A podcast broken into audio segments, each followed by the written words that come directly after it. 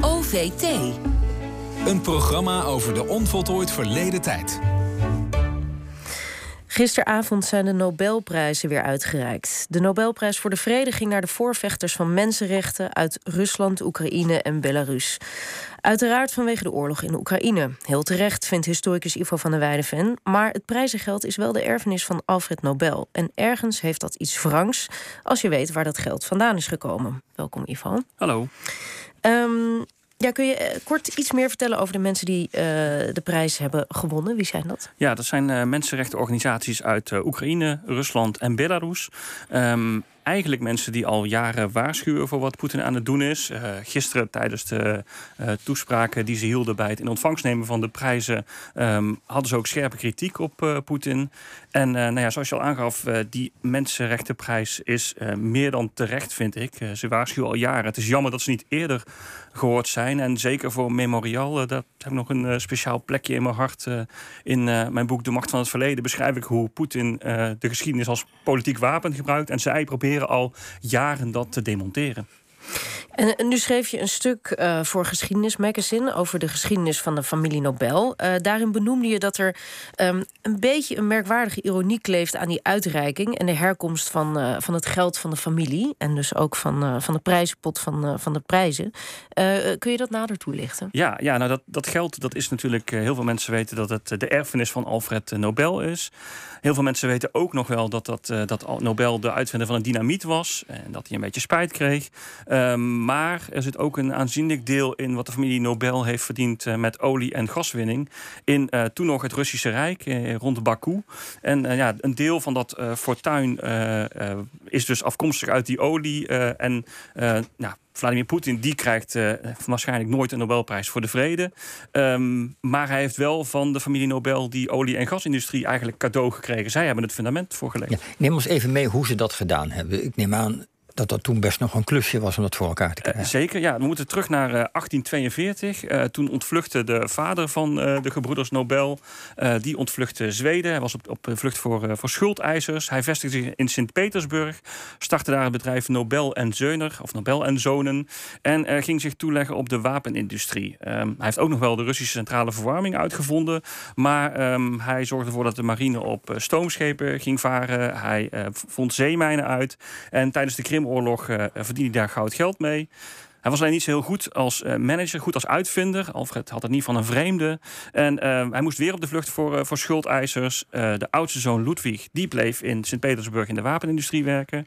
de rest van de familie, Alfred, Emiel en Robert, die ging terug naar Zweden. Ging Want hij had met... heel veel zoons. Ja, hij had er vier. Ja, en die waren allemaal nogal begaafd, allemaal aan het experimenteren.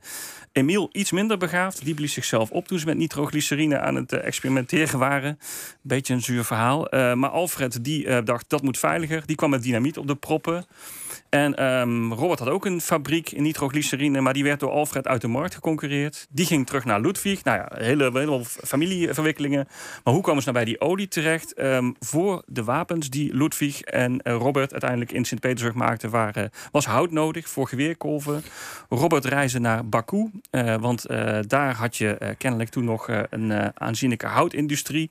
En kwam daar op het moment in 1873 aan dat de Russische overheid olieconcessies aan het veilen was. In Baku kwam de olie zo ongeveer uit de grond. Uh, dat is nog steeds wel een beetje het geval. Um, en uh, sinds de 8e eeuw werd dat daar met de hand geschept en voor lampolie gebruikt. Maar de Russische Rijk had zoiets van: wij willen een olieindustrie. Die zagen dat dat in Indonesië door Shell, of Koninklijke Olie gebeurde. Die zagen dat dat in de VS gebeurde. Die wilden dat ook. En die zeiden: we gaan gewoon die rechten veilen en dan mogen bedrijven daarop inschrijven. En dat deden Robert en Ludwig. En die richtten het bedrijf Bra Nobel op naar Bratiev Nobel, gebroeders Nobel in het Russisch.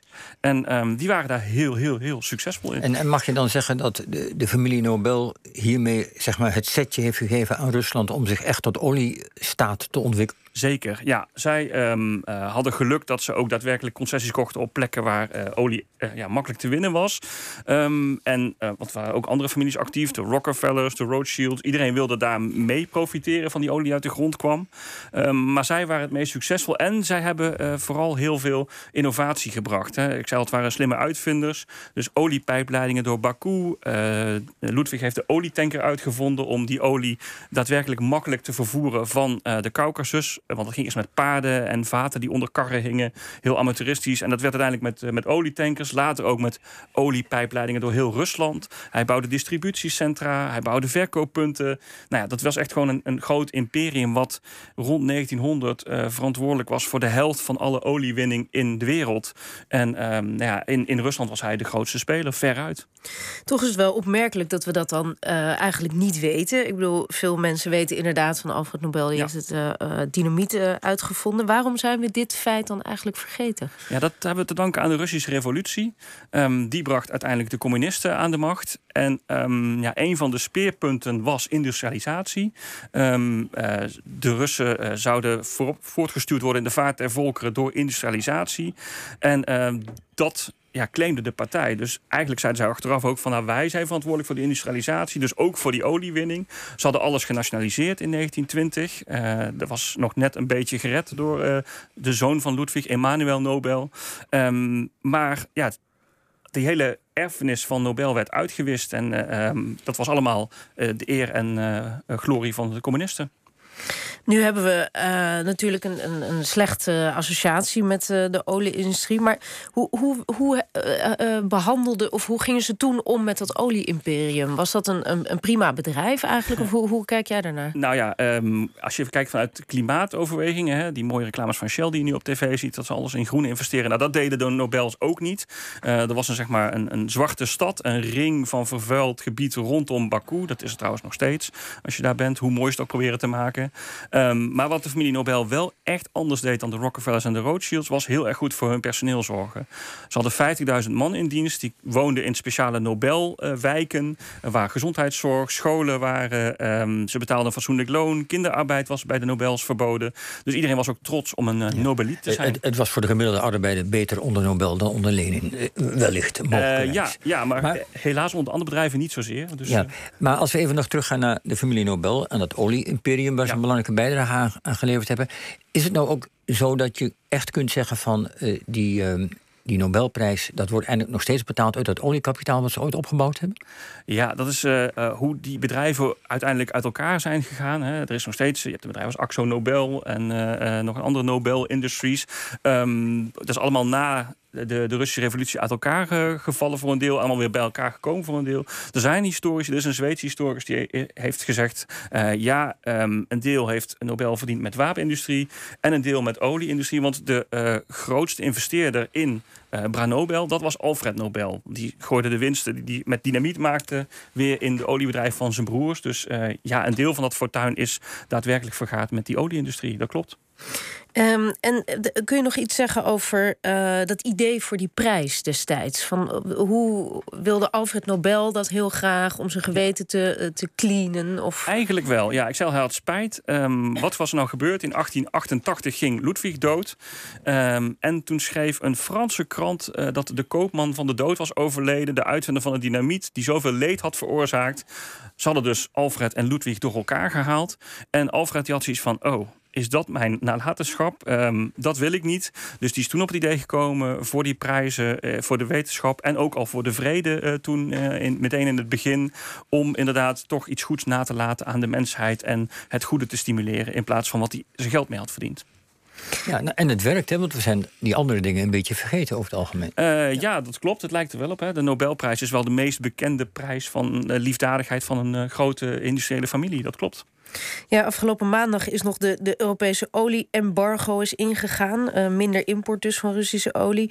Uh, heel kort nog, wat voor invloed heeft dat op uh, de industrie... waar dus de familie Nobel het fundament voor heeft gelegd? Ja, dat is een beetje... als je het in Rusland gaat vragen... Um, dan zegt men nu van ja, hier schiet Europa zich mee in de voet. Er verschenen vorige week nog leuke, of komisch bedoelde filmpjes van Russia Today... dat Europa op zoek moet naar alternatieve brandstoffen. Dus dan spant iemand een paard voor zijn auto om te rijden... en van succes-Europeanen. Maar wat wel het geval is, is dat uh, uh, 60% van de inkomsten van het Kremlin, dus ook waar die oorlog mee betaald wordt, die komen uit die olie- en gasindustrie. En um, Poetin zegt nu wel van, oh, dan ga ik die olie aan iemand anders verkopen. Als jullie het niet hoeven, China en India, die kopen dat wel. Maar uh, dat gaat waarschijnlijk niet gebeuren. Hè. Dat, zo, zoveel vraag is er in China niet, in India niet. Er is ook weinig pijpleidingcapaciteit. En ehm, dus waarschijnlijk schiet hij zichzelf wel een beetje in de voet. Je merkt ook al dat er belastingverhogingen aangekondigd zijn. Hij moet dat geld ergens vandaan halen. En waarschijnlijk worden de Russen daar uh, de dupe van. Dus hij is het cadeautje van de familie Nobel aan het ruïneren. Met zijn oorlog heeft hij dat grondig uh, in puin geholpen, ja. Goed, hartelijk dank Ivo van der Weijden-fan. En voor meer informatie over de geschiedenis van de familie Nobel... je stuk staat in de decemberuitgave van Geschiedenis Magazine. En dit was het eerste uur van OV